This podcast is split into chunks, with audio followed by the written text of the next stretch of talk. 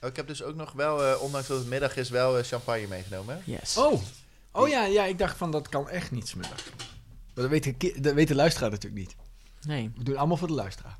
Ja, alles voor de luisteraar. En al weet de Had luisteraar dat verteld wel. dat ik, dat ik... Ik had dus op Facebook gedeeld. Ja, Eh, eigenlijk de eerste keer dat ik het inderdaad prominent op Facebook heb. Want ik, ik retweet wel eens jouw dingen, maar nu Ja. op Facebook. Normaal krijg ik altijd 50 of 100 eh, likes op. Dus jij dacht, ik lanceer het? Drie likes maar. echt? Ik, ik weet niet wat. Echt, als ik een foto van de kat van de buren erop zet, dan heeft gewoon iedereen. Maar Ja, of mijn, zelfs mijn column k- komt dan 50 mensen die er liken. Gewoon een soort verplicht eh, nummertje. Nu maar drie. Hallo allemaal. Dit is alweer de vijfde aflevering van Eurovisie Update. Een podcast over, nou ja, het Songfestival en alles wat daarmee te maken heeft. Mocht u via de Eeuw van de Amateur hier beland zijn, eh, we hebben ook een ondertitel. Dat is Gewoon een goed liedje. Eh, wat eerst de titel van de podcast zelf was. Maar goed, toen begreep niemand waar de podcast over ging. Dus toen hebben we het veranderd in Eurovisie Update. Want dan weet iedereen meteen waar we het over hebben. Hoe dan ook, ik ben Hanneke Hendricks, schrijver, columnist, hoorspel- en podcastmaker. En ik maak deze podcast met Mark Verheijen en Quirijn Lokker. Eh, de eerste is rechtspoliticus en de tweede is linkspoliticus. En ze hebben beide wat met literatuur te maken. Mark schrijft historische boeken en Quirijn schrijft, nou ja, draaiboeken bij een literair productiehuis. Oh, Dennis Gaans is de technicus. Die hoort u ook af en toe iets er doorheen roepen. Bij Eurovisie Update kunt u terecht voor een stukje duiding naar de mensen toe als mede voor vers gegoogelde feitjes over het, nou ja, Songfestival dus. Deze aflevering gaat over de politieke kant van het Eurovisie Songfestival. Hoe komt een festijn dat roept niet politiek te zijn, zo ontzettend politiek? Laten we snel beginnen. Ja, waarschijnlijk word je toch alleen maar door Venlonaren gevolgd die geen interesse hebben in het Songfestival. Op Facebook? Nee, juist, nee, juist Twitter zit vrijwel niemand uit Venlo natuurlijk. Dat is eigenlijk alleen maar politiek en dingen. En eh, op Facebook beginnen voor buitenlandse homo's. die kunnen dat niet lezen. al. Die Ja, kunnen ja, dat nee, niet ja, dan lezen. kunnen Die ze kunnen het ook niet verstaan. Maar die zien wel Eurovisie staan. Die, Ja. moeten, daar- die, moeten- gaat toch automatisch? Die hoeven niet eens te klikken. Maar dat is wel lekker, de markt. Dan heb jij ook gewoon een keer in je leven dat je dingen, dat je teleurgesteld bent in dingen. Nou, mijn boekverkoop. Nee, dat is ook wel weer waar. maar nu komt een nieuwe boek. Ja, fuck it. Zal ik eens even kijken over teleurstellingen gesproken? Oh nee, dat doen we dan zo meteen. Of is dit een goed bruggetje? Ik weet niet waar je naar wil kijken. Naar de petitie. Oh, ik kan, eh, zal ik die even, de, ik pak de petitie er wel even bij. Eh, moet ik even googlen hoe het ook alweer heet. Een Nationaal Songfestival in 2020. Nou, wat, eh, ik ga even vragen, hoeveel, hoeveel mensen denken dat, jullie, dat, dat het er eh, zijn? Verwachten jullie? Eh, ik denk inmiddels negen. 13. 15. 15? 15 ondertekeningen. Ja, voor de, voor de trouwe luisteraars eh, weten we nog dat we Jannie de Vries uit Waddingsveen, eh a.k.a. Hanneke Hendricks, eh, eh, Wesley de Vries uit Waddingsveen. is Maar dat was ik dus niet. Nee, maar dat is wel... Volgens mij maakten we daar de vorige aflevering een grap over. Heeft iemand dat gedaan? Heeft maar, iemand maar gedaan? wacht even eerlijk, heb jij dat gedaan? Nee, heb ik niet gedaan. Mark? Ik ook niet. Dennis? Want het was Wesley van Steenbergen en Jannie de Vries. Toen zei ik, oh, dan moet je gewoon Wesley van Steenbergen uit Waddingsveen toevoegen. Dat heeft iemand gedaan, Wesley de Vries. We hebben nog een anoniem van negen dagen geleden. Eh, Anne eh, uit Amsterdam. Ja, ja, we hebben de hoofdstad bereikt, dames en heren. Dat die ons verstaan. Ja. Ja, vind ik ook. En eh, iemand uit Uden, dus dan zijn we gelukkig Ja. weer in de buurt. En dan weer een anoniem van een dag. En, maar die laatste drie zijn allemaal van drie dagen geleden, twee dagen geleden en één dag geleden. Dit is Dus- misschien toch sinds de presentatorscoop. Dat denk ik, ja. Ja. Want zullen we daarmee beginnen? Ja. Het is ook... eh, Het staat niet in het rijboek, mag ik uh, trekt een wenkbrauw op. Maar, lieve jongens, ik wil jullie even iets Ja. laten horen. Dus als wij een lijstje zouden moeten eh, invullen eh, bij de wetkantoren, dan zou het Jan Smit, Edcilia Rombly en Chantal Jansen worden. ja, en, En, en, Marloes Fluitsma op de achtergrond als reserve. ja, en, en, en- Brokken. en- ja, precies. En Emma Wortelboer in de green room. Dat zou ik heel gezellig vinden. Dat Nou ja, wa- dit is het. Het kan, het kan gewoon... Het is... eh, In Ja. september al. De fame to claim. Ja, Ja. nee, ik heb het opgezocht. Het was 10 oktober. maar, Maar goed, goed. maakt niet uit. Het was nog steeds voordat ze überhaupt... eh, bedoel, Chantal Jansen was nog niet gebeld. Ze wisten het nog niet. En Edcilia Romley ook niet. Nee, Jan Dus- Smit natuurlijk wel. Die was al gebeld eh, in Ja, maar Jan Smit 2009. konden ze gewoon niet omheen. Maar wij zijn dus heel tevreden.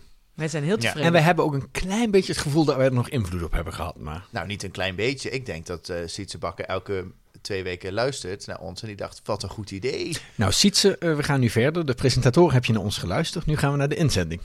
Maar daar gaat hij niet door. Nee, dat natuurlijk. gaat hij niet Maar we kunnen nog wel een, eh, zeg maar, à la Wiwi Blogs gewoon alle Nederlandse artiesten noemen. Ja, Ja. en, dan, en dan zeggen, onze voorspelling was terecht. Ja, Want toen knippen we er gewoon uit ja. wat het... eh, Wat we wel even moeten benoemen is dat er dus niet geknipt is in het fragment van de eerste Nee, u aflevering. kunt Je het allemaal terugluisteren. terugluisteren, Hmm. Ja. Nee.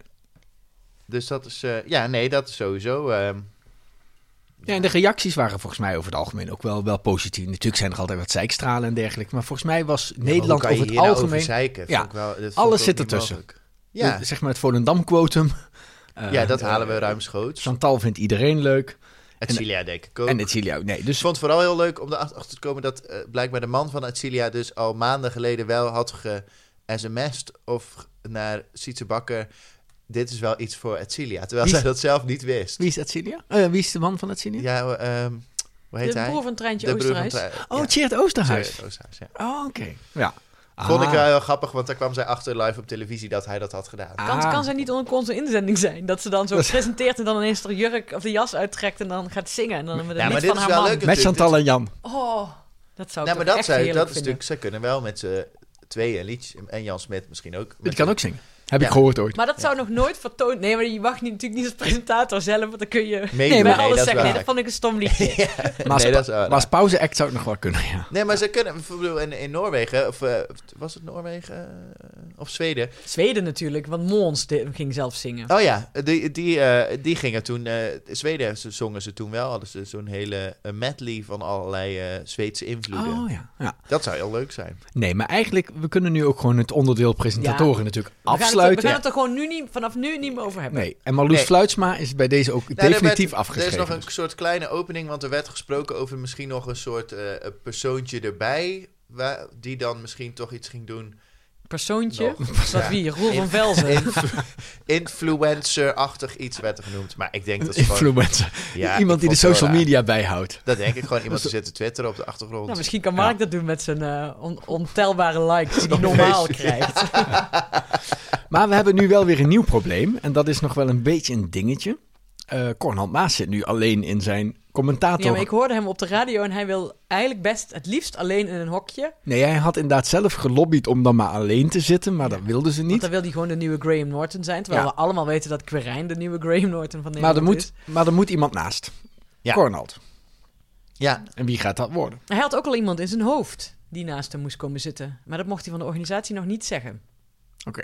Denk je dat hij jou in zijn hoofd heeft? Nee. Oké. Concrete vraag, Ja. concreet antwoord. nee, maar wie zou dat dan zijn? Nou, eigenlijk, die jaren dat Paul de Leeuw het deed, maar ja, toen werd het, dat was ook de jaren dat het heel slecht ging met het Songfestival. Werd een soort freakshow ook, eh maar dat was ook alleen maar cynisch commentaar, dus... Nee, maar dat is met Graham Zou Norton natuurlijk ook. Die is eigenlijk... Maar dat komt ook omdat het vo- vooral ook over hun eigen inzendingen zijn altijd wel heel... Ja. Maar Paul nee de hij is Leeuw, altijd positief over een eigen inzending tijdens de aflevering. maar zou Paul Ja. de Leeuw nog kunnen? Nee, nee. Of accepteren we dat Paul, niet de Leeuw, Paul de Leeuw en Cornel Maas in één hok. Nee, dat denk ik ook Dat, gaat, niet. die gaan, dat, dat willen ze allebei niet, denk ik. Oké, we moeten iemand hebben die een die soort outshinen tegenwicht. elkaar dan de hele Ah, tijd. oké. Ja. Oké. Ja, het is... Dennis, wat denk jij? Of kuch je gewoon omdat je echt een beetje verkouden bent? Maar eigenlijk moeten jullie toch gewoon in het commentatorhok. Ja, dat... Dat sowieso. ja. Maar we kunnen een eigen commentatorhok. Maar jullie hebben, Een livestream. jullie hebben toch bewezen dat jullie het oor hebben van de organisatie? Dat is inderdaad wel waar. Ja. Nee, maar dan moeten we En- eigenlijk ook, eh hoe heet ze, dingen uit Nut eh, in het commentatorhok ernaast zetten. Ja, maar dat nemen we Els, Els uit mee. Nut, ja. Maar wij zijn ook met z'n drieën wel slank genoeg om eh, in, samen in dat hokje te passen, denk ik. Ja, tegen die tijd misschien. Mm. Tegen die tijd wel. Tegen die tijd sowieso. Maar Mark is het slangst. Oeh, maar dit wordt dus de nieuwe, eh, de nieuwe zoektocht naar wie er naast Cornel Maas in het hok gaat zitten. Ehm, maar we krijgen natuurlijk nog heel veel nieuwtjes, want eh, ik weet niet of je Lubach gezien hebt afgelopen zondag. Een heel item over dat het Songfestival helemaal uitgesmeerd is over allemaal nieuwtjes. Hè? Elke Ja. paar dagen komt er wel weer een nieuwtje. Dan het decor, dan het logo, dan de vrijwilligers. Ja, en dat genieten, toch? Dus we hebben nog drie maanden vol met elke dag weer een nieuwtje. Ja, ik Ja, vind- want wij hebben in het begin ook wel elkaar dat we elkaar belden als er een nieuwtje was. Maar daar zijn we ondertussen tot aan de presentatoren ook wel mee opgehouden. Want dan kun je inderdaad elke Ja. dag elkaar bellen met zeggen: Oh, een decor. Nee, maar het is, het is natuurlijk wel... Nee, ja, precies. Maar het is wel... Het, het, bedoel, het vult wel onze podcast. Laten we dat eh alles eerst even... bedoel, Ja. Hè, die nieuwtjes. En het is natuurlijk ook, het bouwt allemaal wel lekker een beetje op. Ja, maar wat Want hadden we... we willen wel al met z'n allen over van alles gaan zitten praten. Dus ja, dan kunnen we maar breed met z'n allen gaan zitten bakkeleien over de decor en over eh, alle andere. Nou, en zo was de afgelopen week weer een nieuwtje. Dat, is- dat de ouderwetse postcards, hè, de- die fijne filmpjes voor, Ja. voor elke inzending, die fijne filmpjes met iets folklore uit het land, eh, dat gaan ze helemaal anders doen dit jaar.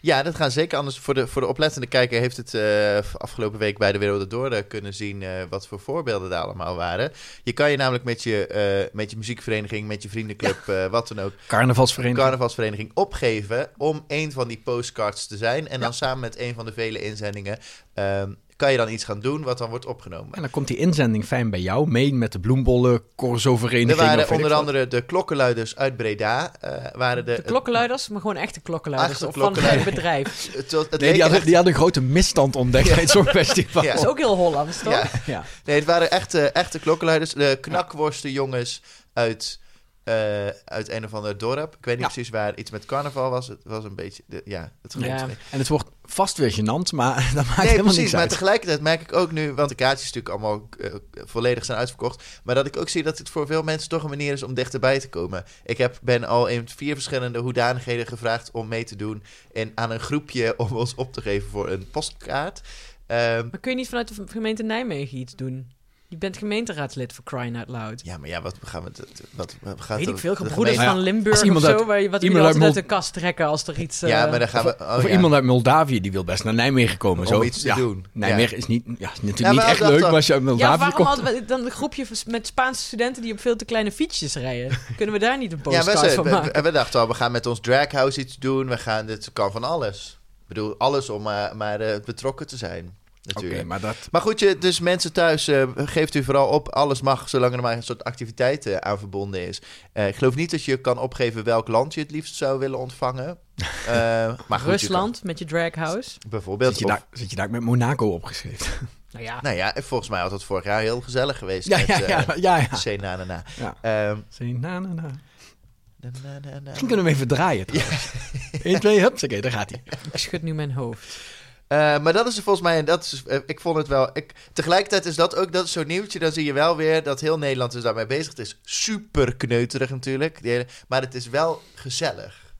Ik vind het een heel leuk, gezellig onderdeel. En die filmpjes zijn natuurlijk elk jaar echt tenenkrom. Het zijn Vreselijk. altijd vreselijk heel erg gepusht vanuit zo'n toeristisch bureau. Dat denkt van, oh, we moeten allemaal mooie plekjes laten zien. Dus wat dat betreft, je kunt daar niet verliezen. Hè? Je kunt het niet slechter doen dan, dan andere jaren. Blijkbaar wel, vertelde Cornel Maas dus ook, eh, is het ooit, die filmpjes zijn ooit bedacht in Nederland. Toen het voor de eerste keer in Nederland werd gedaan in de jaren zeventig, eh, zijn die soort tussenfilmpjes gedaan, zodat ze het podium een beetje konden ombouwen.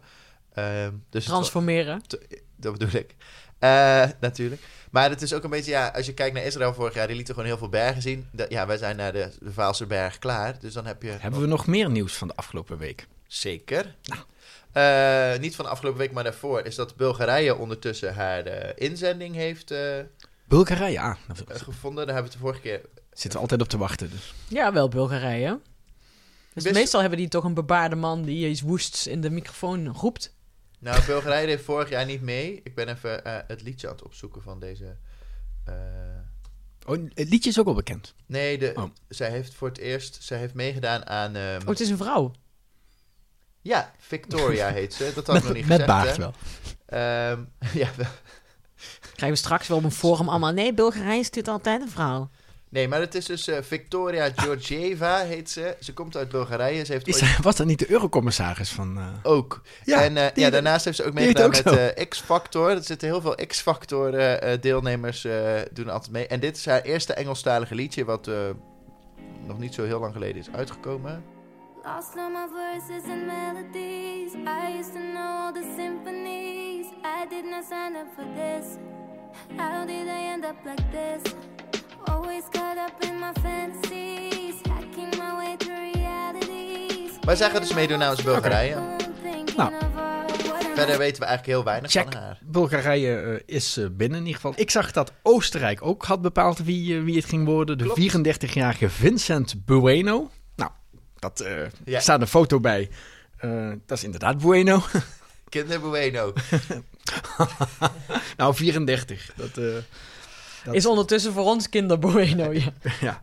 Ehm, hij komt uit Wenen, maar Maar Vincent Bueno, ehm, met het liedje Alive, zo gaat het liedje heten, maar we weten nog niet hoe het liedje klinkt. Nee, maar we hebben al een titel, we hebben een artiest. Nou, eh, Oost- Oostenrijk loopt voorop. Hij heeft al eens een keer eerder meegedaan in 2016 aan het Nationale Songfestival van Oostenrijk. En in 2017 zat hij in het achtergrondkoortje. Maar hij kan er een jaartje naast zitten. Ja, precies, maar dat horen we dan Maar- wel van onze fans. Maar daar kennen we hem in ieder geval van. Zijn er nog andere eh, inzendingen of goede roddels van eh, landen die... eh, Nou, we weten dat Zwitserland pas in maart 2020 komt. Toen dacht ik, waarom gaan ze dat nu in vredesnaam zeggen dat ze dat dan Ze willen- uitkomen? Zij willen tot die tijd nog een beetje neutraal blijven. Nou, dat. een soort eh, Ah, die was best goed, of niet? lachband hier.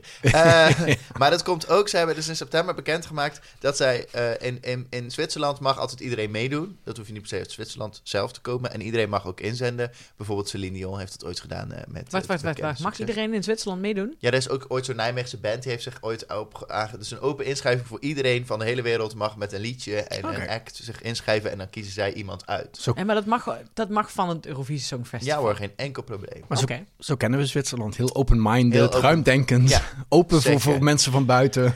Ja, dat is echt Zwitserland. Echt Zwitserland. Maar dat is dus wel, dit is wel ook het enige land dat het doet. Dus het is ook wel een van de weinige kansen, zou ik maar zeggen, om... ehm, of je nou super bekend bent van de X-Factor of al jarenlang het conservatorium hebt gedaan. Of dat je gewoon Els uit Nut bent die denkt, weet je wat, ik kan het niet presenteren, maar kan wel meedoen. Ehm, iedereen kan dus gewoon eh, een liedje eh, inzenden. Eh, en dat is dus wel de meest directe kans om ook een keer mee te doen aan het Songfestival. Eh ze hebben dus in september hadden ze, zijn ze gesloten. Toen hadden ze 515 serieuze inzendingen. Waar ze dus uiteindelijk een keuze uit moeten maken. Dus het is misschien de meest directe kans, maar niet per se de grootste kans Oh, wel een- om wel mee een- te doen. Maar wel een leuk concept. Zo Wist kan ook de rest van, van de wereld, Ja, buiten Australië en Israël, maar de rest van de wereld kan dus zo via, via, Zwitserland. Zwitserland Europa binnenkomen. Ja. ja dat is ja, via, nou ja, dat is eigenlijk de enige manier waarop je Zwitserland überhaupt Ja. via Zwitserland Europa. Maar is dat het enige land dat zo doet? Want ik dacht dat Monaco dus ook vaak artiesten had die niet uit Monaco kwamen. Dat daar iedereen al een keer had meegedaan. Ja, ja die ze- zijn ze gewoon op. Die mensen moeten ook gewoon een keer werken. Ja, Nou, of San Marino. Eh, nou, maar daar heb je wel, maar die zijn vaak wel op een bepaalde manier met het land verbonden. En in Zwitserland bijvoorbeeld Celine Dion had volgens mij, voor zover ik weet, echt weinig tot niets met eh, Zwitserland. Behalve dat ze voor het land het Songfestival won. Oké. Ehm, dus dat is wel, eh, ehm, ja. Ik dat. heb weer wat geleerd. Ik wist dat niet. Eh, dan nog het nieuws in de zin van. ehm, nou, er zijn dus nu vier eh, inzendingen bekend hè, met Bulgarije erbij. Dus het begint aardig te lopen. Daarover wel gezegd, Sietse Bakker, waar we het al eerder over hebben gehad. En we weten ondertussen dat hij luistert. Zei in een interview met een Belgische website. gaf hij de vraag. Het, kreeg, werd er gereageerd op de vraag dat er soms wordt gezegd dat de shows van het Songfestival te lang duren. En daar zei hij het volgende op. De halve finales vallen qua lengte goed mee, maar de finale kan gerust een stuk korter. Nou, nu we weten dat we het oor hebben van Sietse Bakker, wil ik wel even zeggen: nee, dat kan dus niet. Het kan natuurlijk niet zo zijn dat we van de finale van het Songfestival, waar we het hele jaar met, met heel Europa en de rest van de wereld naar uitkijken, dat we dan zeggen: nou, daar gaan we een uurtje van afhalen, want het kan wel een beetje korter. Daar wil ik Maar even wat bedoelt hij met Nou. korter? Dat, dat we de tussenstukjes weglaten. Nee, maar ik vind tussen... Dat kan volgens mij ook efficiënter hoor. Dus tussen dat, eh, het moment dat alle nummers geweest zijn... en daarna dat ze beginnen met die jurering. Maar dat hoeft Dat toch kan. helemaal niet efficiënt. Maar die jurering hebben ze de afgelopen jaren al volgens mij is al stukken efficiënter Ja. geworden. Ja. Het gaat toch ook, maar niet alles, dingen van die scho- schoonheid hebben, hoeven toch niet altijd ook efficiënt te zijn. Als ze het efficiënt doen, doen ze op het einde van... Nee, nou, we maar hebben de winnaar, hup, die. Maar Ja. laten we wel wezen met, het, met eh, zeg maar, als, als alle nummers zijn geweest en dan krijg je intermezzo-liedjes en zo.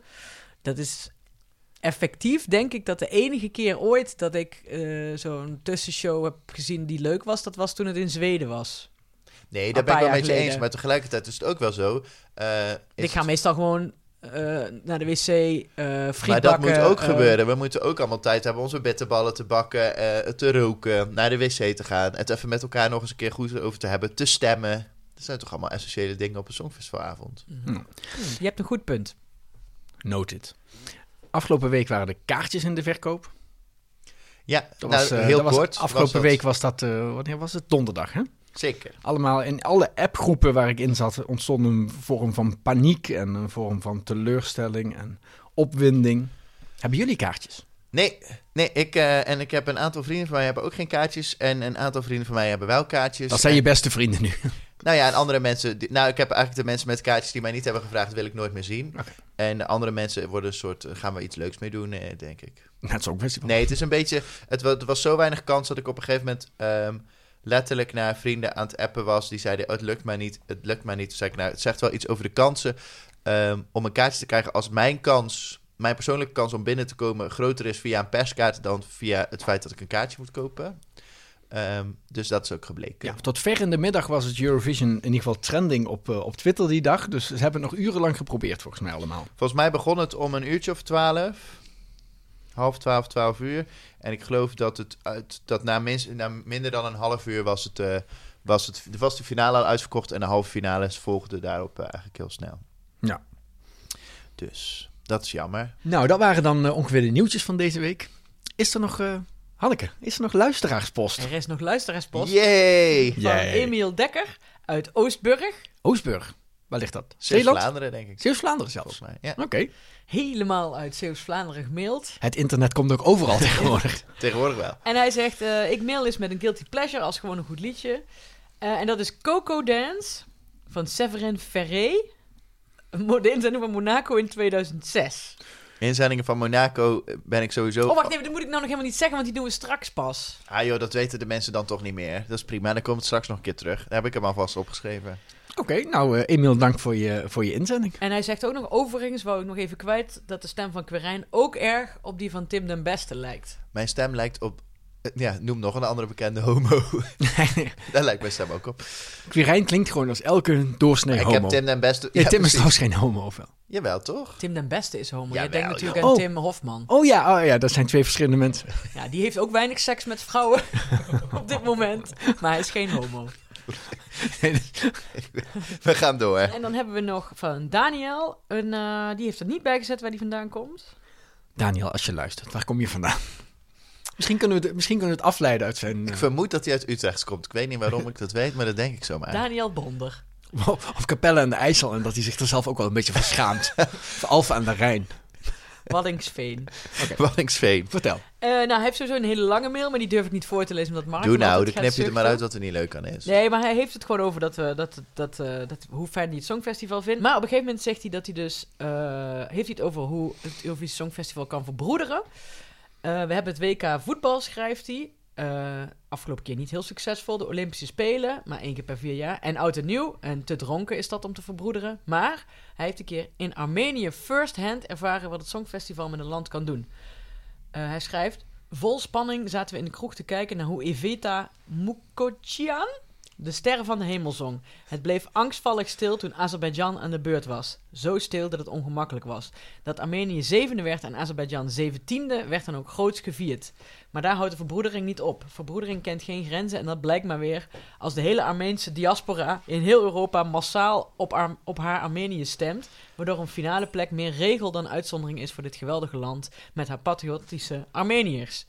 Heerlijk. Eh, ja, dan wil hij ook nog gewoon, gewoon een goed liedje aanvragen voor op het eind. Maar daar komen Ja. we dan straks op het einde wel op terug. En is dat dan, eh, dat is dan vermoedelijk ook een eh Armeens liedje? Of Ja. zien we dat straks? Dat zien we straks.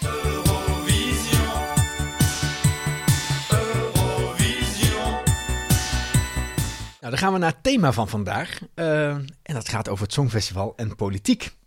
Terwijl het Songfestival is natuurlijk nooit politiek. Nee, dat is eigenlijk vanaf dag één is dat het verhaal dat ze altijd gehouden hebben. Hè? Het Songfestival, dat is niet politiek, is apolitiek. Maar als er iets politiek is, is het natuurlijk het Songfestival. Het is eigenlijk gewoon een soort diplomatiek glitterfeest. Waar eigenlijk alles bij elkaar komt. Het, het, het ego van landen, onderlinge spanningen. Alles komt bij elkaar Ja. één keer per jaar in het Songfestival. En bij het voetbal natuurlijk. Maar wat er, ja, nee, zeker, precies. En het ding is natuurlijk ook wel dat we het daar ook met z'n allen over hebben. Maar op een of andere manier hebben we toch met z'n allen afgesproken dat we het net doen alsof het niet politiek is. Ik, had, eh, ik heb voor de, als voorbereiding van deze aflevering even de regels opgezocht eh, van de EBU. En de Eurovision Song Contest. En er staat het volgende bij artikel 2.7 van de, eh, het reglement. The Eurovision Song Contest is a non-political event. All participating broadcasters, including the host broadcaster, shall ensure that all necessary steps are undertaken within within their respective delegations and teams in order to make sure that the Eurovision Song Contest shall in no case be politicized and or instrumentalized. All participating broadcasters shall ensure that no organization, institution, political cause or other cause, company, brand, product or service shall be promoted, featured or mentioned directly or indirectly during the event. Je kunt de vertaling nalezen op, eh, op onze notes onder de show. Ehm, En maar nog- als ze dat erbij wat wel moeten... interessant is, want er staat ook nog verder... The lyrics and or performance of the songs mogen ook niet politiek geladen zijn. Ja, maar het feit dat ze dat erbij moeten zetten in de reglementen en al zo hoog in de reglementen, wil dus eigenlijk gewoon zeggen dat ze politiek, dat het wel politiek Ja, is. tuurlijk, want jij zegt voetbal is ook wel politiek. Maar daar heb je nog nooit dat, dat, eh, en dat Turkije op zo'n manier gaat voetballen dat, eh, dat Armenië geïntimideerd daardoor is. Nou ja, wel, maar snap... Nee. Hmm. Dat ze heel goed gaan voetballen ineens, ja. Nee, ja, precies. Eh, nee, maar alle sportevenementen, alle evenementen internationaal zijn natuurlijk voor een deel politiek. En het Ja. Songfestival al helemaal. ja, want en dan ze kan de, in- proberen- de inhoud kan politiek zijn. Ja, Stiekem. nee, maar alles eromheen, hè, wie er wel mag deelnemen, wie er ineens niet deelneemt, de Nee, puntentelling. zeker. alles maar eromheen ik denk is wel dat het interessant is om te zien dat als het over het WK gaat of andere dingen, dan laten we het zo zeggen dat het feit dat het apolitiek zou zijn, het Songfestival, net zoals we dat eigenlijk doen met andere wedstrijden, bij het, bij het Songfestival wordt er juist wel heel veel over gesproken. Bij het EK hebben we het helemaal niet zo vaak over het feit of het nou wel of niet politiek Nou, zou als- zijn en of wie wel of niet mee zou mogen doen. Of Maar wie- wel als het in Rusland is, of als het in een land is wat wij allemaal vinden dat net niet aan alle je, maar, mensenrechten. dat, maar dat is dan het enige Ja. wat Ja, politiek... En het is niet omdat als iemand in Oostenrijk in een jurk gaat voetballen... dat Rusland dan zegt, nou doen we niet mee. Nou, ja, misschien nou, zouden ze dat ja. trouwens wel doen. Misschien moeten ze het een keer proberen. Nou lijkt het me nog lastig leuk om in zo'n jurk te doen. Maar, ehm, Alsof je maar, kan voetballen zonder jurk. Maar goed, maar ik, ik- denk inderdaad van alle internationale evenementen is het Songfestival wel het meest politieke. En daarom houden we er ook wel een beetje van. En ze proberen natuurlijk Ja. elk jaar met boeren en met trekkers de politiek buiten te houden. Ze blokkeren alles om te zorgen dat de politiek niet binnenkomt. Maar uiteindelijk komt er toch altijd heel veel politiek bij kijken. Soms heel duidelijk. En soms moet je een beetje tussen de regels doorlezen. Nou ja, het is inderdaad wel. En het is, het, ze proberen het ook wel te doen. Want al die symbolen. We hebben natuurlijk allemaal wel meegekregen op een gegeven moment. Dat er eh, net na de. de eh, wat je allemaal ook. Het, het gaat zover dat het zelf bepaald wordt. Dat het publiek. wat ze allemaal mee mogen naar binnen. eh, mee mogen nemen naar binnen. Dus je mag wel vlaggen meenemen naar het Songfestival. Maar alleen landen van. eh, alleen vlaggen van landen die ook meedoen dat jaar. Ja, ja. Dus een regenboogvlag mag bijvoorbeeld eigenlijk niet naar binnen. Of een Palestijnse vlag. Eh, nee, mag ook niet mee naar binnen. Nee. Ja. Dus, dat is, dus daar zitten wel heel veel eh, eh, dingen in waar ze heel erg op letten. Maar het lukt ze toch niet altijd om dat allemaal buiten te houden. Ehm, maar er zit wel heel veel. Ze zijn wel heel erg. Dat vind ik wel interessant. Want het is nog nooit dat ik gezien heb dat er bij een voetbalvereniging. dat mensen zeggen: Nou, sorry, maar die regenboogvlag mag u niet mee naar binnen nemen. Ja. Maar het begint natuurlijk al dat het politiek ooit begonnen is. Meteen na de Tweede Wereldoorlog zochten ze iets, een soort evenement voor, voor die Europese Broadcasting Union. Dat inderdaad mensen zou verenigen. Nou, ze dachten als we samen gaan zingen, dan gaan we misschien geen oorlog meer maken. Nou, het is tot nog toe goed gelukt. Afkloppen. Maar je afkloppen. Eh, maar je ziet dat het Songfestival ook vaak wel iets gelukt is. Wat, het, Mhm. eh, wat de Europese Unie bijvoorbeeld niet lukt. Hè? Door mensen te verenigen in hun afschuw of hun bewondering. Het Songfestival eh, loopt ook steeds voorop op de, op de uitbreiding van de Europese Unie. Hè? Dus Ja. eigenlijk deden altijd alle landen mee voordat ze nog lid werden van de Europese Unie. Dus je ziet dat eigenlijk het Songfestival een soort voorloper is van de Europese Unie. Hoezo niet politiek?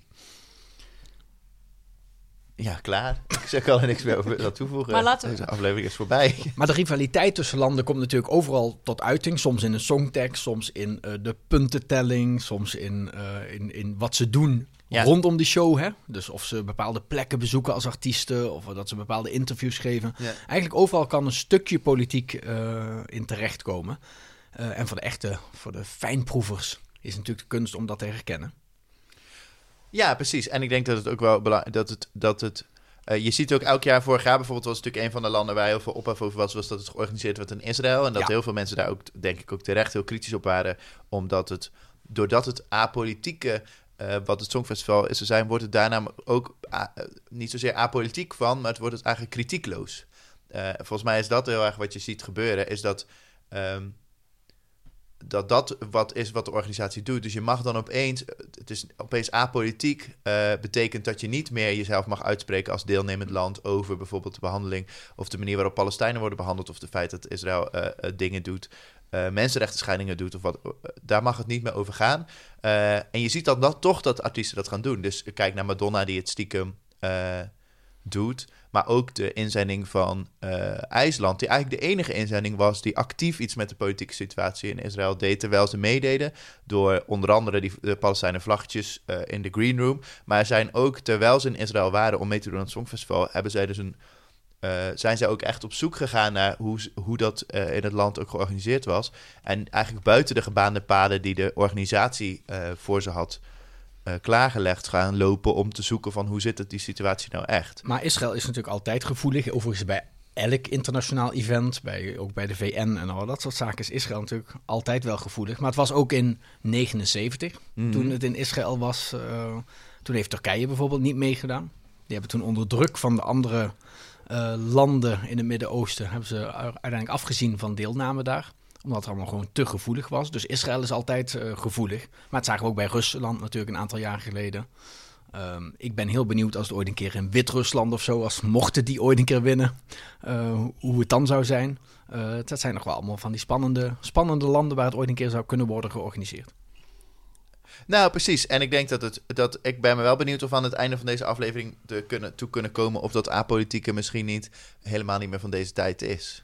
Omdat waarom zou je niet een beetje. Ja, maar- eh, maar dat alles is politiek. kunnen benoemen? Maar ja, ook alles is politiek. Het feit dat je ergens naartoe gaat, zodra iemand de vraag stelt van ja, moet je nou wel in Rusland gaan zingen als een Mhm. anti-homo een paar jaar geleden, eh, als ze anti-homo-wetten aannemen, of moet je nou wel, ja, Turkije doet niet meer mee, maar moet je wel in Turkije terwijl Erdogan aan de macht is? Nou ja, vorig jaar in Israël dus eigenlijk waar dezelfde vragen Ja. werden gesteld. Zodra Ja. iemand die vraag stelt, is het politiek. Want dan ga je inderdaad die keuze maken. En dat is ook met WK's en EK's. Maar is Dus- het dan niet een gemis misschien van het, van het Songfestival en van de deelnemende landen dat ze eh, onder het mom van het apolitiek zijn, daar dan ook vervolgens niet echt op antwoorden? Wat je eigenlijk ook met de Olympische Spelen precies hetzelfde ziet hoor. Dat ze ook zeggen, nee, Ja. maar we gaan wel naar Sochi of we gaan wel. Ja. Of Qatar of, Ja, of, precies, of dat ja. soort landen. Terwijl je dan eigenlijk denkt van, is, het, is, het, is dat niet een gemis en is het niet ma- de makkelijke weg? En als om- je er niks over zegt, is eigenlijk inderdaad, eh, dan geef je inderdaad eigenlijk ook politieke boodschappen. Ja, precies. Maar hetzelfde geldt met handelsmissies naar weet ik wel welk land. Als je het niet aankaart, dan eh, impliceer je eigenlijk dat je het inderdaad goed vindt. Ja. Nou, allemaal dat soort eh, dilemma's, die zitten er ook bij het Songfestival. En eh, dat is ook goed en dat is ook goed dat we het erover hebben. Maar ook allemaal andere thema's. Hè. Dan gaat het over, nou ja, eh zullen we een andere aflevering nog wel een keer over hebben, over homorechten. Mhm. Ja, daar heeft het Songfestival natuurlijk ook een belangrijke rol in. In afgelopen jaren zagen we dat er allerlei thema's zoals terrorisme, Brexit, MeToo kwamen uiteindelijk in liedjes naar voren, in, in filmpjes, in interviews met artiesten. Russische bezetting van de Krim. Ja, en Heel erg hè, rondom Oekraïne en, eh, en Rusland. Dus uiteindelijk als je verschillende landen bij elkaar zet, is het altijd politiek. Ja. Of diplomatiek, of hoe je het dan ook noemt. En soms ook interne strubbelingen in landen die natuurlijk ook wel Ja. voorbij komen. Nou, de mooiste, een land waar, ja, kun je je bijna afvragen van, is dat wel echt een land? Eh, België. België is natuurlijk ook altijd zo'n mooi voorbeeld. Dat is om het anderste jaar mag, de ene jaar mag Vlaanderen het doen, de andere jaar eh, Wallonië. Eh, en eh, ja, ze worden natuurlijk nooit samen eens over één artiest, dus ze hebben het zo heel fijn verdeeld. Ze hebben ook twee om, ja, alles is daar verdeeld in dat land. Ook Ja. twee omroepen, mogen het om de beurt dan organiseren. Totdat natuurlijk een aantal jaar geleden België ineens won. Ja, dat doen ze normaal nooit, maar in één keer met eh Jemme Jemme La Vie. Een aantal jaar geleden. Ja, dat is echt Echt een halve eeuw geleden. Wanneer, wanneer halve- won uh, net- uh, Sham Sham La Vie, eh, toen België, zich net afges- toen België zich net afgescheiden had van Nederland. Rond die tijd. 1832. Nou, En, eh, en Sandra Kiem was natuurlijk gewoon een, eh, een Waalse. Dus Wallonië moest het het jaar daarna eh, eh, organiseren. Mhm. Eh, nou ja, dat heeft volgens mij een hele begroting leeggetrokken van die omroep. Maar ja, zij moesten alle kosten dragen. Want Vlaanderen zei van ja, hallo, jullie, jullie, jullie kozen ervoor om een goed liedje in te zenden. Hebben wij niet gedaan. Dus eh, daar zie je ook binnenlanden eh, Ja, betekent is dat toch veel. wel een leuk, eh, daar kunnen we wel een heel klein fragmentje laten horen van. Mhm. Want in België in 2008 hebben ze geprobeerd om dan maar een liedje in een brabbeltaal in te sturen. Oh ja? Ja, en dat klonk zo.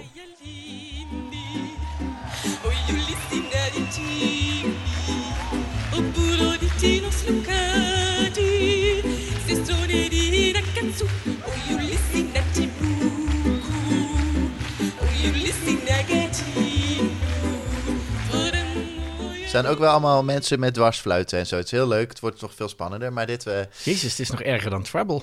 ja, nou ja, Ja. precies. En daar, dat, Of, of zoals Chantal zou zeggen, wat kunnen ze hockeyen? ja, precies. Dwa- wat kunnen ze toch dwarsfluiten, hè? Nee, maar dus, er zijn ook allemaal strubbelingen in, ehm, in landen. Dus dat is, eh, nou ja, dat is België eh, even een, een, een- toch een goed voorbeeld van. Maar ehm, En we hebben nog ooit een keer gehad dat een songfestivalliedje echt een rol heeft gespeeld bij een revolutie. Dat was in eh, Portugal in 1973, de Anje-revolutie. Die gebruikte als een soort nummer van die revolutie, eh, zeg maar even de teamsong van de revolutie, was het eh, songfestival inzending van dat jaar eh, van Portugal. En laten we daar ook maar even Ninguém nos leva ao engano, toreamos mano a mano, só nos podem causar dano. Esperas. Entram risos, chocas e capotes. Nou, zelfs ik krijg zin in een revolutie te starten nu. Nou, goed ik wil wel liedje, wat goed zeggen. liedje. Ja, Het is een liedje wat over stierenvechten ging, maar uiteindelijk dus, eh, dat was een soort eh, metafoor voor het, eh, voor het eh, echte gevecht. maar zo heeft dus ook het songfestival binnen landen een politieke rol. Zeker. Ehm, eh, voordat we het vergeten, want we hebben volgens mij, eh, er is nog een fles eh, champagne, die zijn we even vergeten aan te slaan. Ah, iets dat wel Tot bruist. Iets dat bruist. Jazeker. Ik ga hem even pakken. Het is een hele lelijke eh, voor witte fles. Zo, Oh, kut. kut, voor, wat voor groente? Ja, doe die stond Ja? Oh ja. Jullie maken het alleen maar erg. Nee. Oké. Zit er Het een zit- gat in de bodem van de fles? Ik weet het Ik niet. pak even een doekje. Het zit overal. Wat is ook met die kurk gebeurd, joh? Oh. Nou, dat lijkt me dan dat hij ook gewoon niet meer goed is.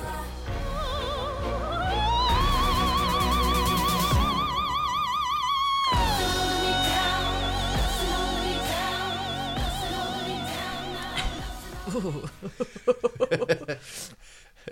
Je hebt gegeven Is dit, vaak eh, niet in de bek kijken. Demi-sec. Ja, het is wel gezoet, toch? Dat is, demi-sec is dubbel zoet, eigenlijk. Nou, heerlijk. Vind jij hem nou wel lekker? Want hij is heel zoet. Dat vind je toch altijd lekker? Nee, helemaal niet. Het is echt, het is echt bagger. Heerlijk. Ja, het- maar ja, goed, het was gratis, hè, dames Nou, en heren. ik vind meer, dit een heel erg goed bruggetje naar de Armeense genocide. ik heb een aantal voorbeelden bij elkaar gezocht voor het blokje politieke controverse. Wegkijker. En eh, ik dacht dat is wel goed om te beginnen met Armenië, aangezien Armenië een soort clubkaart heeft met Ja. het proberen om zoveel mogelijk politieke boodschappen in hun liedjes te sneaken. Waaronder in 2010 met het nummer eh, Apricot Stone, waar we het eerder al over hadden. Maar ik Ja. wilde het ook hebben over het nummer dat, eh, nou in de eerste instantie Don't Deny heette. Maar onder druk van de, van de organisatie hebben ze dat moeten veranderen in Face the Shadow. Laten we daar even een stukje naar luisteren.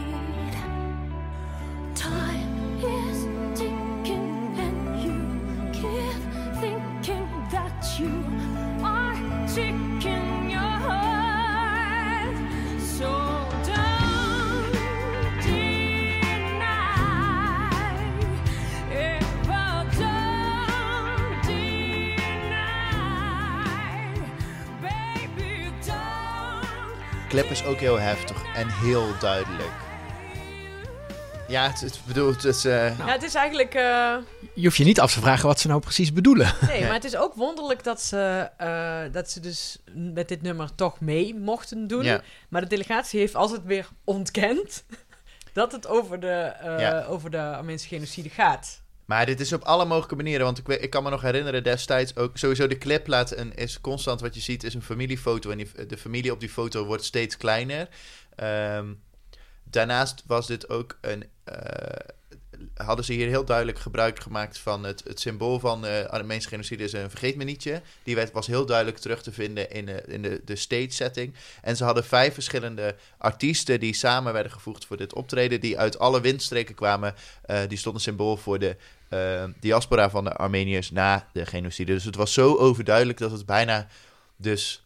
ehm, maar wel zo subtiel gedaan, of eigenlijk zo gebracht, dat het niet een hele... Het was niet heel politiek, eh, het was niet zoals we straks gaan zien. Maar eh, zelfs, zelfs Kim Kardashian kon het nog snappen. Ja, precies. Ja, die nee, natu- echt- natuurlijk uit Armenië. Het was overduidelijk, maar het Ja. was allemaal zo te om te draaien dat het niet Nou, zo dat was. het, Ja. het, wa- het was zo over, het ging heel overduidelijk hierover, maar het werd, niet, het werd niet als een hele politieke boodschap gebracht. Het werd niet heel stiekem gebracht, Nee. waardoor het ook wel heel lastig was voor de organisatie, als ze dat al zouden willen, om hier wat van te zeggen. Ja. Behalve dat ze dus inderdaad de titel moesten veranderen van Don't Deny naar Into this, eh, Face the Shadow. Face the Shadow. Maar goed, zelfs dat, hè, laten we met z'n allen eerlijk zijn, dat zegt ook genoeg. Ik vond het wel een goed liedje trouwens. Het was, het was ook een goed liedje. Maar ik vind Armenië vaak goed. Maar dit is natuurlijk op het randje, maar dat is ja, ik vond het, dat maakt het ook wel weer zo'n jaar interessant. Ja, maar Armenië is natuurlijk altijd wel wat, hè? Want ehm, ja, als Armenië een keer zou winnen, ontstaat er natuurlijk ook weer allerlei gedoe Nou ja. Azerbeidzjan heeft ooit gewonnen. En toen ging het naar Baku. Daar is over politiek gezien, dat was voor de, de, de president daar eh, toch een reden om eh, heel veel geld uit te geven. En eh, volgens mij was het in Baku President Aliyev. dat, dat ze daar langs de, langs de weg... Ja, eh, een heel nieuw theater hebben gebouwd. hadden een heel daarvoor, ja. nieuw theater gebouwd. En dan moest je dan van het vliegveld ging je dan met de auto naar de stad. En er waren wel heel veel arme mensen die daar woonden. En allemaal hele verpauperde wijken. Dus toen heeft hij daar gewoon hele grote eh, eh, borden langs de snelweg gezet. Met hele mooie plaatjes van de bergen. Zodat je de mensen die daarachter woonden. En van armoede in het land eh, bijna omkwamen. Niet in beeld waren. Maar toen deed Armenië dus ook niet mee. Want Armenië ging niet Nee. naar Azerbeidzjan. En die kunnen, daar niet, kunnen daar niet eens naartoe. Nee, dat wordt wel lastig. Het Ja. wordt wel zelfs lastig om met je, met, een je stempel paspoort, van ja. Armenië en, in Ja. je paspoort naar Azerbeidzjan te gaan. Andersom kan wel, heb ik gemerkt. maar dan moet je wel via Georgië omrijden. Via, via omre- ja. Dat, eh, dus dat is niet zo. En zij stemmen, zullen ook nooit op elkaar stemmen en Nee. misgunnen elkaar. Tenminste, de Armenië misgunnen de Azerbeidzjanen in ieder geval de, De punten. De Azerisch. En, eh, hoe? Azerisch. Oh, dat zeg ik. Azerbeidzjan. Azerbeidzjan, Chinezen. Azerbeidzjanezen. Maar Eh, goed, 2015 was dat. dus, ja, En, eh, Maar Armenië staat dus wel redelijk bovenaan in de politieke eh, spanning en controverse. Maar, Ja. eh, maar, er goed, zijn natuurlijk nog halen- andere landen. Ze halen zoals volgens mij in de lezersbrief ook, of in de lezersbrief, in de, in de, in de post van Daniel zei, ze halen ook wel heel veel van de stemmen uit hun... eh, eh, Diaspora. uit de diaspora. En laten we niet vergeten dat er allemaal wereldberoemde eh, eh, zangers en zangeressen ook allemaal eh, Armeense roots hebben. Dus het niet zo raar is dat ze ook altijd wel goede liedjes insturen. Bijvoorbeeld Zoals Charles- Cher Charles Aznavour. zijn allebei eh, van Armeense eh kom af. En Kim Kardashian natuurlijk. En Kim Kardashian. Maar die zingt kan- volgens mij... Ja, niemand weet wat ze echt kan. Nee. Maar oké. Dus. Maar oké, dus Nou, Armenië staat redelijk eh, bovenaan eh, aan de lijstje met controverses. Maar er zijn nog wel meer landen. Zeker, want eh, datzelfde jaar, 2015, was ook het eerste jaar dat er dus een anti-boe-installatie door de, door de Eurovisie-comité is geïnstalleerd. Ja. Eén wat? Anti-boe-installatie. Dat betekent dat ze een geluidsinstallatie hebben geïnstalleerd, of een, eh, een mix, een mix, hoe noem je dat Dennis? Een soort plugin hebben geïnstalleerd die eh, het boegeroep uit het publiek kon filteren. En dat was omdat in 2014 het boegeroep bij Rusland heel erg hoorbaar was. Wow, dat zou voor heel veel matige artiesten echt een oplossing zijn. Ja, zo, sowieso. Ja, dus in 2014 toen, eh, eh, toen Conchita Wurst won, toen eh, werd er heel erg veel boegeroep. eh, was, er was- er heel erg veel boegeroep te horen bij Rusland vanwege de inval eh, in de Oekraïne. En een standpunt ten, aangaan, ten aanzien van eh, bepaalde mensen met bepaalde muzieksmaken die graag in bepaalde kroegen komen. Gevoelsgenoten. Gevoelsgenoten. Homozuelen. Dus, Oké. eh, dus ja, Rusland. Maar dus elk jaar zit er zo'n anti-boe-installatie. Ja, dus Vanaf het, dat jaar in ieder geval. dus eh, het heeft ook geen enkele zin meer om boe te roepen in dat publiek. Nou ja, dat filteren, dus, dat kunnen ze dus. Ja, en je hoort dat in die zaal dus wel heel erg. Dat ook vrienden van mij die dus ook daar zijn geweest, eh, niet in dat jaar, maar wel in Portugal en in Zweden, twee daarvoor. Ehm, of drie jaar daarvoor, mensen op eh, forums. Ehm, die zeiden wel dat je dat dus heel goed hoort daar in die zaal. Dat het lijkt alsof daar heel veel wordt. Maar dat, wij TV krijgen daar thuis helemaal niks van mee. Oh, kijk, die technische vooruitgang is toch Ja, echt dat een- is, een eh, alsof een zaligmakend. Dus zijn we een soort klein Hanneke Hendrikje die dat er allemaal uit zit te knippen. Die, dat geboel. ja. in ieder hart zit een klein Hanneke Hendriksje. Dus eigenlijk, dus eigenlijk wat wij op tv knippen. zien is niet de werkelijkheid. Alleen, wat we op tv horen. alleen, dat Madonna, alleen dat Madonna, hadden ze bij Madonna niet kunnen, iets kunnen doen dan met dat Ja, geluid. misschien was Ja, dat dat het. Maar misschien is dat het, hè? Madonna heeft gewoon glaszuiver gezongen zoals ze altijd Ja, ja. doet. Maar die boerroep-installatie heeft haar, dat heeft haar hele mix vernacheld. Ja, dat is het. Oké. Maar goed, Rusland is sowieso ehm The gift that keeps on the giving. gift that keeps on giving. The country we love to hate. Eh, want Georgië, daar heb ik even één voorbeeld uitgedaan. Want Rusland heeft het const- continu aan de stok. Laten we trouwens maar eerst gewoon luisteren. Ja.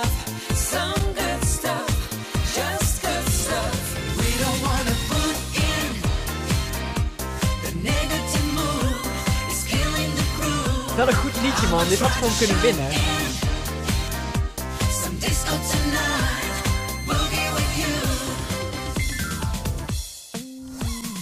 Nou ja, tot zover. Ik bedoel, dit is gewoon een supergoed liedje. Gewoon Ja. een goed liedje. Ja. Gewoon een goed liedje. Eh, uit 2009, maar dat is dus gedisqualificeerd. Ehm, Je Ja, snapt vanwege- niet waarom. Nou, niet vanwege de kwaliteit van het liedje, maar dat moet iets anders Nee. zijn, Hanneke. ja, precies.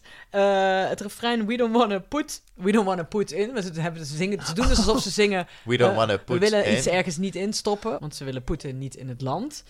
Was dat Eh, net na de inval van eh, Rusland of een paar jaar na de inval In, van in, Ja, Zuid- in Zuid-Ossetië. Ja, in, eh, in 2008 was dat.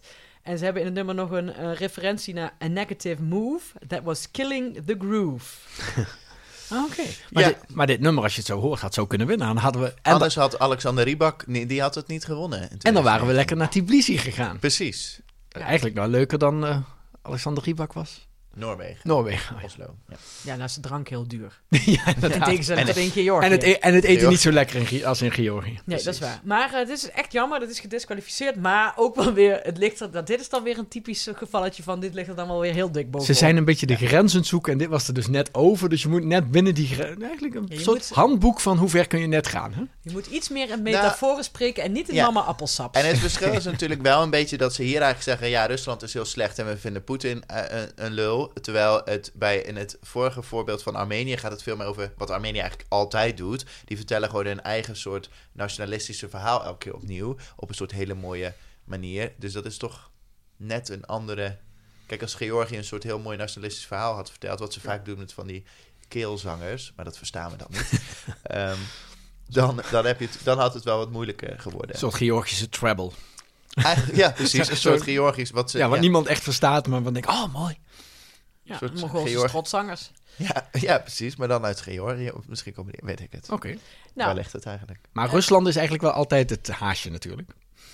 Ja, want de, de, als we hier, eh, ik begon, nou, het was dus vanochtend was ik dus voorbeelden aan het verzamelen en ik raakte in een soort ehm, Alice in Wonderland-achtige tijdgat. Ja, maar ook de andere Maar- kant op, hè? Want is het, ik weet nooit, ik ben er nooit achter gekomen of dat ook echt waar is. Maar er is een tijd het verhaal de ronde gedaan dat Rusland in het, tijd, in het jaar dat. ehm, eh, dat ze ook wel eens dat zij, dat zij vertraagd uitzenden zodat ze dingen kunnen knippen. Oh ja. Eh, waaronder bijvoorbeeld eh, een paar seconden vertraging, waardoor ze bepaalde Oh acts. ja. En ze hebben ook wel eens. Hebben, is het niet het verhaal dat het jaar dat Oekraïne won met 1944, dat zij een andere winnaar hebben uitgezonden? Echt? Ja, dat is wel eens wat ik destijds heb. Ik weet helemaal niet of het waar Ja, is. als, lu- beste luisteraar, google dit zelf maar even. Ja. Maar dat, en ook dat zij bijvoorbeeld. Het verhaal is ook gegaan dat zij dus een paar seconden knippen. Zodat zij bepaalde. Daar gaan- komen we straks volgens mij nog over te praten. Ja. Bepaalde stukjes uit de podiumoptredens eruit kunnen knippen. Hadden ze heel dat- Madonna eruit kunnen knippen. Dat echt een dat hebben ze waarschijnlijk ook gedaan. Ja. Nee, maar de- wat zij kunnen doen. En wat je dus daar ook weer als reactie op zag. Dat we op een gegeven moment in Zweden. bij de openingsshow. met al die rare. Eh, gestileerde elanden en Man Samerleu die eh, s- naakt over het podium aan het dansen was, zat er op een gegeven moment opeens een soort huwelijk waar het opeens twee mannen bleken te zijn die uit het niets kwamen. Eh, er werd gezegd dat dat van de regisseurs een poging was om het zo snel in beeld te brengen dat het door de Russen er niet meer op tijd uitgeknipt zou kunnen worden. Ehm, dus ook de Russen doen aan hun eigen kant ook wel van alles om het op een bepaalde manier.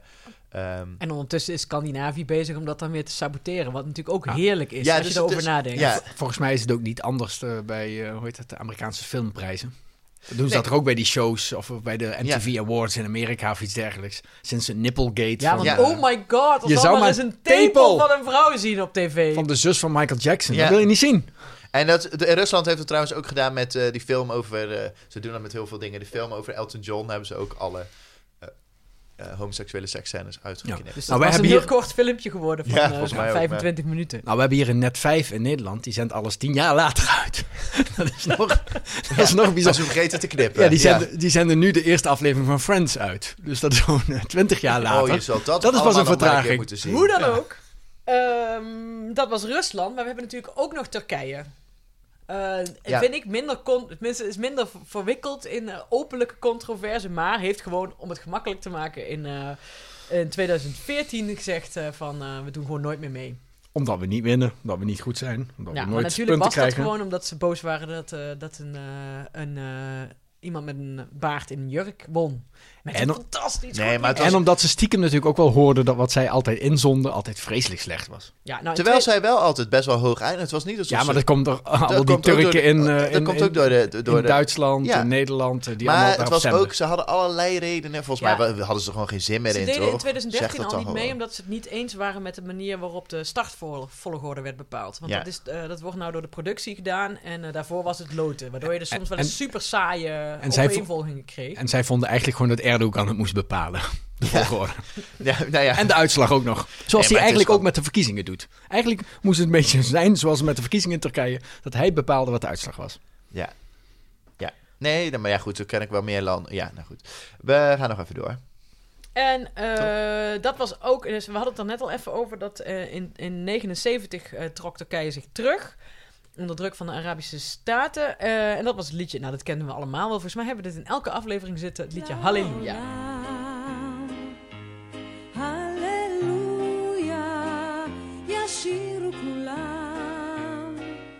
Ja, dit is, ook, dit is natuurlijk ook heel du- duidelijk een voorbeeld van hoe het niet politiek is. Dat je oorlog hebt met iedereen om je heen en dan een liedje inzingt waar je dan mee wint, wat dan over vrede gaat. Ja, Ja. dat is, Prachtig. ja, en onbegrijpelijk tegelijkertijd.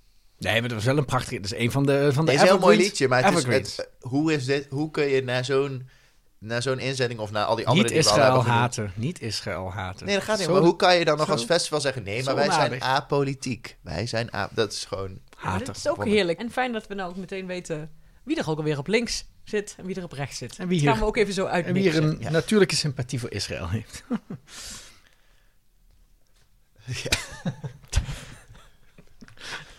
Deze stilte ga ik erin laten Ja, zitten. precies. Je mag. Graaf jij je eigen graf Ja, bouwen, maar ja. prima, daar heb je mij niet voor nodig. Eh, maar eh, nog een ander, het grappige is dat, dat als je dus eh, voorbeelden gaat verzamelen, dat je dan toch inderdaad weer terugkomt bij Rusland. en wel wegens eh, de kussende meisjes in 2013, waar we het net al over hadden, eh, van Finland. Wat ook echt een goed liedje is. Als u hard loopt, mensen, draai dit voor. Het heet ook gewoon Trouw met mij, maar dan in het Engels.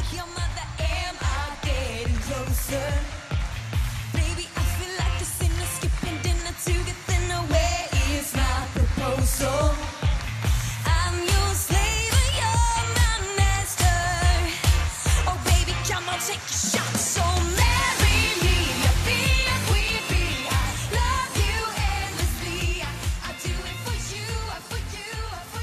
Maar dit is dus waar we het net over hadden. Ja, en het liedje eindigt waardoor- dat zij kust, volgens mij, Oh, nee, met een van haar bruidsmeisjes. Ja, het Dat eindigt, was, eh, het eindigt inderdaad met een, eh, een lesbische kus. Maar misschien is wel het beste politieke statement ooit dat wij gewoon de toppers stuurden naar Rusland. Dat was gewoon een belediging voor elk, voor elk weldenkend mens in Rusland. Dat Ja. wij drie, drie mannen het- naartoe stuurden. Je zou het ook een, een oorlogsdaad kunnen noemen. ja, maar het was wel eigenlijk, eigenlijk... Dit gelooft niemand ooit, maar als je gewoon die drie mannen in een iets te strakke pakken wegdenkt... was het best een leuk liedje. Nee, maar oh, abs- Shine, People That You Like... It, nee, daar ben ik het absoluut mee eens. Laten we nog één keer luisteren van mensen die dit vergeten zijn. Nee, dat ga ik gewoon niet doen. Ik vind het echt een scheidsnummer. weet, je, weet je wat ik ga doen? Ik ga de, ik ga eh, de drie je ook J's erin zetten nu. Moment. Don't waste your time,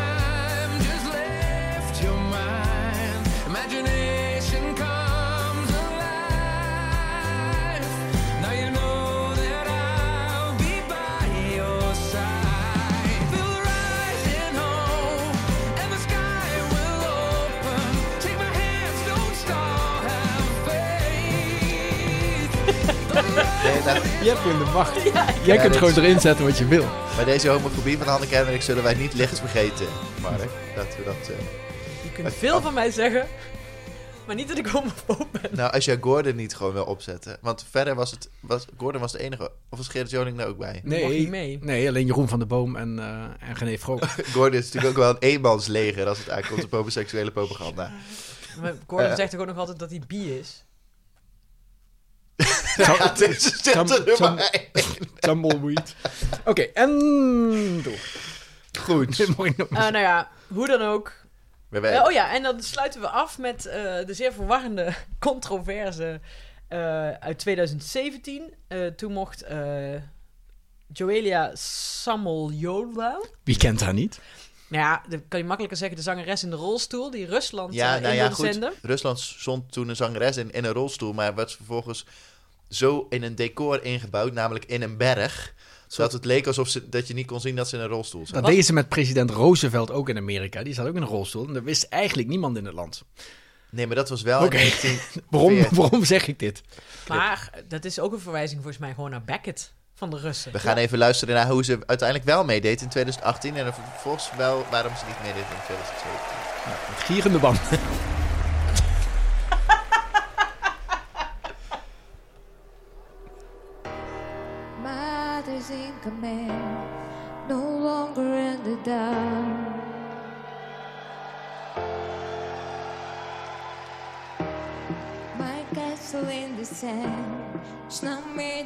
Is zo raar dat ze haar... Ik zie dat filmpje nu weer, de inzending in 2018. Het is zo raar. Zij zit dus in een rolstoel, maar ze hebben dat volledig onzichtbaar gemaakt in een stage setting. Dat is eh, idioot. In 2017 deed ze dus niet mee, omdat ze eh, in, op de Krim heeft opgetreden. Ja. Terwijl er in Oekraïne dus eh, een celstraf staat als je Ah, over Russisch grondgebied naar de Krim reist. En daardoor Hmm. mocht ze niet meedoen dat jaar. En dat was ook een weken voordat het Songfestival begon, begon dat al te rommelen en eh, was het rellen en controverse. Ja. Eh, maar, dit is ook weer, om maar over bruggetjes gesproken, een goed bruggetje naar vriendjespolitiek. Want het schijnt, ze zeggen wel eens dat Rusland zelfs punten zou krijgen als ze geen liedje inzenden en gewoon drie minuten stilte zouden houden. Nou, er is wel heel veel over te zeggen. Want natuurlijk is dat altijd. Het is zelfs Terry Wogan, wie kent hem niet, is ooit gestopt bij de BBC als eh, eh, degene die het allemaal aan elkaar praten. Omdat hij zo boos zich maakte. Omdat hij zei: het gaat niet meer om de muziek. Het gaat alleen nog maar om politiek. Ehm, dus het is wel het een en ander over te zeggen geweest. Over het feit of dat. En elk jaar is dat natuurlijk ook wel weer wat we zeggen. eh, dat we allemaal landen elkaar altijd punten geven. Ehm, dus er gaat elk jaar is natuurlijk altijd heel veel opheffen. Mensen zijn altijd heel boos over het feit dat je. ehm, dat allerlei landen altijd op elkaar stemmen. En dat er een soort bias zou zijn. Dus dat, dat er bepaalde landen altijd op elkaar stemmen. En dat het daar dus zorgt voor allerlei oneerlijke dingen. En dat Nederland daarom dan nooit won. Want dat was natuurlijk. En Nederland kan je elk land voor invullen. Want in, in Groot-Brittannië ging het dus over waarom Groot-Brittannië nooit won. En ga zo maar door. Ehm, ik kan u allemaal van harte aanraden om jezelf eens te storten in de wetenschappelijke literatuur die daarover is geschreven. Want er zijn dus allerlei eh, verschillende eh, statistici die zich hier op gestort hebben. En die vanaf de eerste keer tot en met de eh, laatste edities alle puntentellingen eigenlijk bij elkaar hebben gezocht. En daar allerlei dingen op hebben losgelaten. Die statistici op dingen loslaten. Ehm en dan wordt het wel interessant, want dan zie je dus eigenlijk dat er zeker wel een bepaalde geografische ehm, component te vinden is in de manier waarop landen stemmen. Eh, vaak zie je gewoon dat landen op elkaar stemmen als ze dicht bij elkaar in de buurt liggen. Ehm, waardoor het ook wel logisch is dat wij in Nederland al zeggen: ja, al die Oost-Europese landen stemmen altijd op elkaar. Dat is op zich logisch, die liggen namelijk dichtbij in de buurt. Plus, het is ook wel zo, er zit ook wel een bepaald psychologisch element in, dat wij Oost-Europese landen, dat zijn er namelijk nogal wat. Eigenlijk zijn er meer Oost-Europese landen dan dat er eh, West-Europese landen zijn. En wij gaan, gooien die dus ook allemaal wel e- op één hoop. Dus of het nou Roemenië is die op Bulgarije eh, stemt, of een Balkanland, of een eh, eh, of Litouwen, dan zeggen we toch ja, al die Oost-Europese landen die stemmen allemaal op elkaar. Terwijl de vraag is of dat dan allemaal in dezelfde past. Het interessante aan die onderzoeken is dus ook wel dat je ziet dat er tegelijkertijd te zien is dat er van allerlei manieren zijn. We hadden het net al over Armenië en Turkije in het verleden, die op elkaar stemmen. Cyprus en Griekenland eh, eh, steunen elkaar. Ierland en Groot-Brittannië. Over het algemeen, ondanks de toch wel rommelige historie tussen beide landen, steunen elkaar over het algemeen eh, best wel goed. Uit Nederland en België? Nederland en Vel- België af en toe. Ik dacht Eh, dat we altijd veel punten kregen van België, of niet? Ja, dus dat zie je ook wel. Maar er zijn heel weinig Nederlandse statistici die zich heel erg hiermee bezig hebben gehouden. Dus ik heb daar heel weinig eh, informatie over te vinden. Ehm, maar er zijn eigenlijk twee dingen te vinden. Je hebt positieve voting blocks, zoals ze dat we noemen, en negatieve voting blocks. Positieve voting blocks is als ze elkaar eh, heel aardig vinden. En negatieve voting blocks is bijvoorbeeld Armenië en Azerbeidzjan, die dus nooit, maar dan ook nooit op elkaar hebben gestemd. Ehm, je ziet overigens wel dat eh, de eh, juries over het algemeen soms wat politiek gemotiveerder lijken te zijn dan de eh, thuisstemmers. Nou. Zo zagen we bijvoorbeeld in het jaar dat eh Conchita Wurst won, eh, won zij met, eh, had zij de meeste punten van de Russische thuisstemmers, eh, maar niet eh, van de Russische jury, zoals u misschien wel had verwacht. Ehm, en eh, de uiteindelijke conclusie kan eigenlijk zijn: ja, er zit dus wel altijd wat correlatie in, in bijvoorbeeld waar mensen landen wonen, maar ook wel de politieke eh, dingen. Puntje bij paaltje heeft het eigenlijk alleen nog nooit iets eh, uitgemaakt als het op het winnende land uitkomt. Dus rechts onder de streep wint uiteindelijk, omdat ze kunnen wel, als iedereen inderdaad op zijn favoriet stemt en de tweede het gewoon het beste liedje eh, stemmen, dan wint uiteindelijk altijd nog het beste liedje. Uiteindelijk wint altijd het beste liedje. Het systeem is in zoverre zo ingericht dat dat uit, al- altijd uitkomt. Dus daar kunnen we allemaal die fabeltjes van, eh, van dat het vriendjespolitiek is en dergelijke. Dat is het wel, maar uiteindelijk maakt het voor het liedje dat wint niks de uit. vraag is natuurlijk ook een beetje in zo'n soort, eh, als het dan gaat over hoe het met z'n allen heel politiek is, wat maakt het eigenlijk ook uit? Waarom zou je niet met zo'n Eurovisie Songfestival af en toe kunnen zeggen dat je dat je, je buurland gewoon een hele aardige eh, Of dat je een persoon bepaald, vindt? of dat je een bepaald land even een hart onder de riem steekt omdat ze het moeilijk hebben. Bijvoorbeeld, of dat je denkt, nou, dit buurland hebben we al jaren oorlog mee, daar kunnen ze wel een mooi liedje in stemmen, maar daar ga ik niet op stemmen. Of Of bij- dat is op zich ook niet zo gek. Of bij Portugal dat daar zo'n jongen staat met een heel moeilijk liedje. En dan denk je, ach, die jongen heeft het ook niet makkelijk. Kom, Hij die stem. bijna dood, laten we er gauw op stemmen. Ja, laten we Ja. die jongen een hart onder de riem Precies. steken. Dus uiteindelijk gaat het wel over. Dus we kunnen wel met z'n allen zeggen die politiek, maar dat is eigenlijk een soort. Nee, de politiek heeft alleen invloed op eh, wat, wat wel en niet de finale haalt, vaak. Ja, zelfs dat is nog ja, een beetje de zelfs vraag. dat. Ik vind ook vaak dat meestal de liedjes die ik leuk Bedoel, vind wel doorgaan. Drie J's hadden de, de finale niet, maar dat had echt helemaal niks met Nee, politiek te nee, maken. dat had met de performance te maken, niet Ja, met het niet, liedje. niet met het liedje, want het was een... Gewoon een goed liedje. Dankjewel. Ja. Daar, zal, daar moeten we misschien eens een paar statistici op loslaten. Oh. Wat het liedje van de drie J's, of dat nou wel of geen goed liedje was. En in hoeverre hun afkomst uit Volendam en de vermeende inteelt in dat dorp daar iets mee te maken heeft. Dames en heren, na onze twee super succesvolle Ik petities. zet hem, wacht, ik zet hem gewoon nog een keer aan.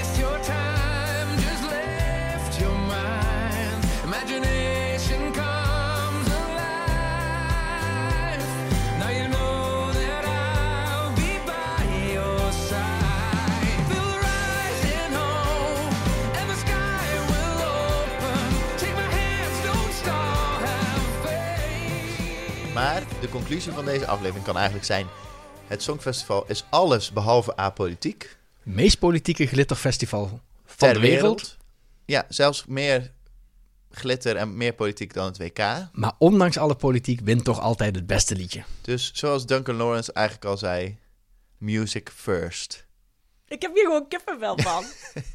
Nou, we hebben daar echt gewoon echt een aflevering met een soort wetenschappelijk Ik ben onderzoek. het ook zo eens met Mark. Voetnoten. Vind ik ook zo naar. voetnoten. Voetnoten erbij. En we hebben een conclusie getrokken. Nou, Hanneke, nu kun jij ons langzaam naar het einde eh, en het laatste onderwerp. Het gewoon een goed liedje. Gewoon een goed liedje. We hebben twee ingezonde liedjes, dus mensen blijf ze sturen, want eh, dan hoeven we er zelf geen te verzinnen. Nou,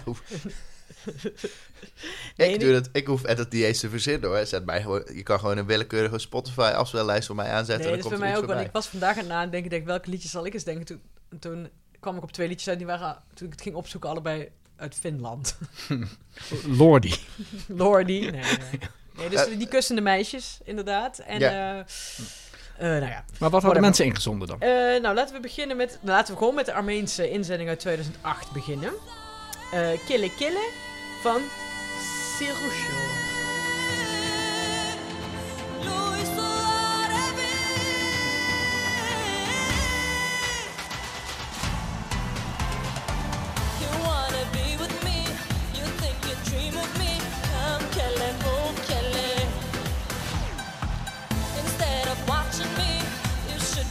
Zie je maar dat smaken kunnen verschillen. Wat een kutnummer.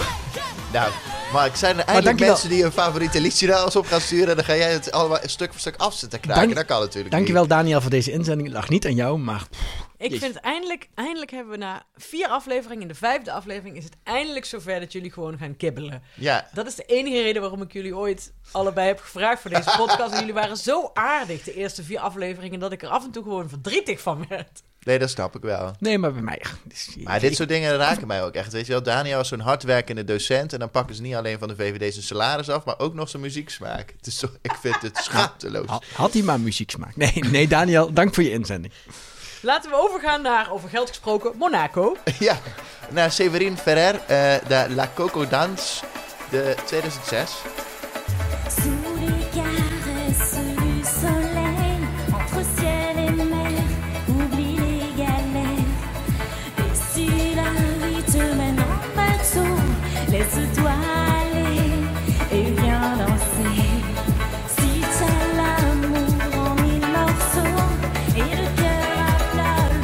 Gespierde mannen in harenbroek, eh Dat Mark. lijkt best wel een leuk liedje. Dankjewel, Emiel Dekker.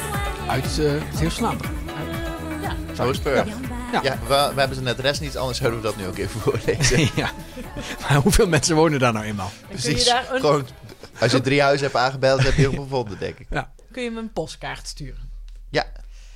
Nou, we zijn volgens mij klaar. Willen jullie nog iets zeggen? Ja, ik eh, eh, wil wel even zeggen, kijk, we hadden het eh, de, eerder de- over dat gewoon een goed liedje, langzaam maar zeker. U kunt uw uh, gewoon een goed liedje natuurlijk opsturen naar uh, eurovisie.dagenacht.nl. En ook al uw andere mails, uw meningen, uw opvattingen, uw vragen, uw twijfels, alles. Maar van, en van mij mogen ze best wel lang zijn, maar Ja, van Mark niet. Dus Van kijk mij ook. zelf Ik vind het heel. Wij, zijn elke keer, wij krijgen elke keer een caps lock en de mail van Hanneke, die dan de mail doorstuurt die, die jullie hebben gestuurd. Daar worden wij heel blij van. En ik wil even zeggen dat we eh volgend, ergens eh, in de show notes, mocht u ze niet kunnen vinden, het lukt mij ook nooit, dus eh, dat maakt niet uit. maken we even een afspeellijstje, een Spotify afspeellijst voor zover dat mogelijk is, van onze eh, gewone goed liedjes zodat u die allemaal in totaliteit eh, heerlijk kan luisteren op de fiets. Ehm, als u denkt, daar heb ik zin in. Heel mooi. Lieve mensen, dit was weer Eurovisie Update. En over twee weken zijn we er weer.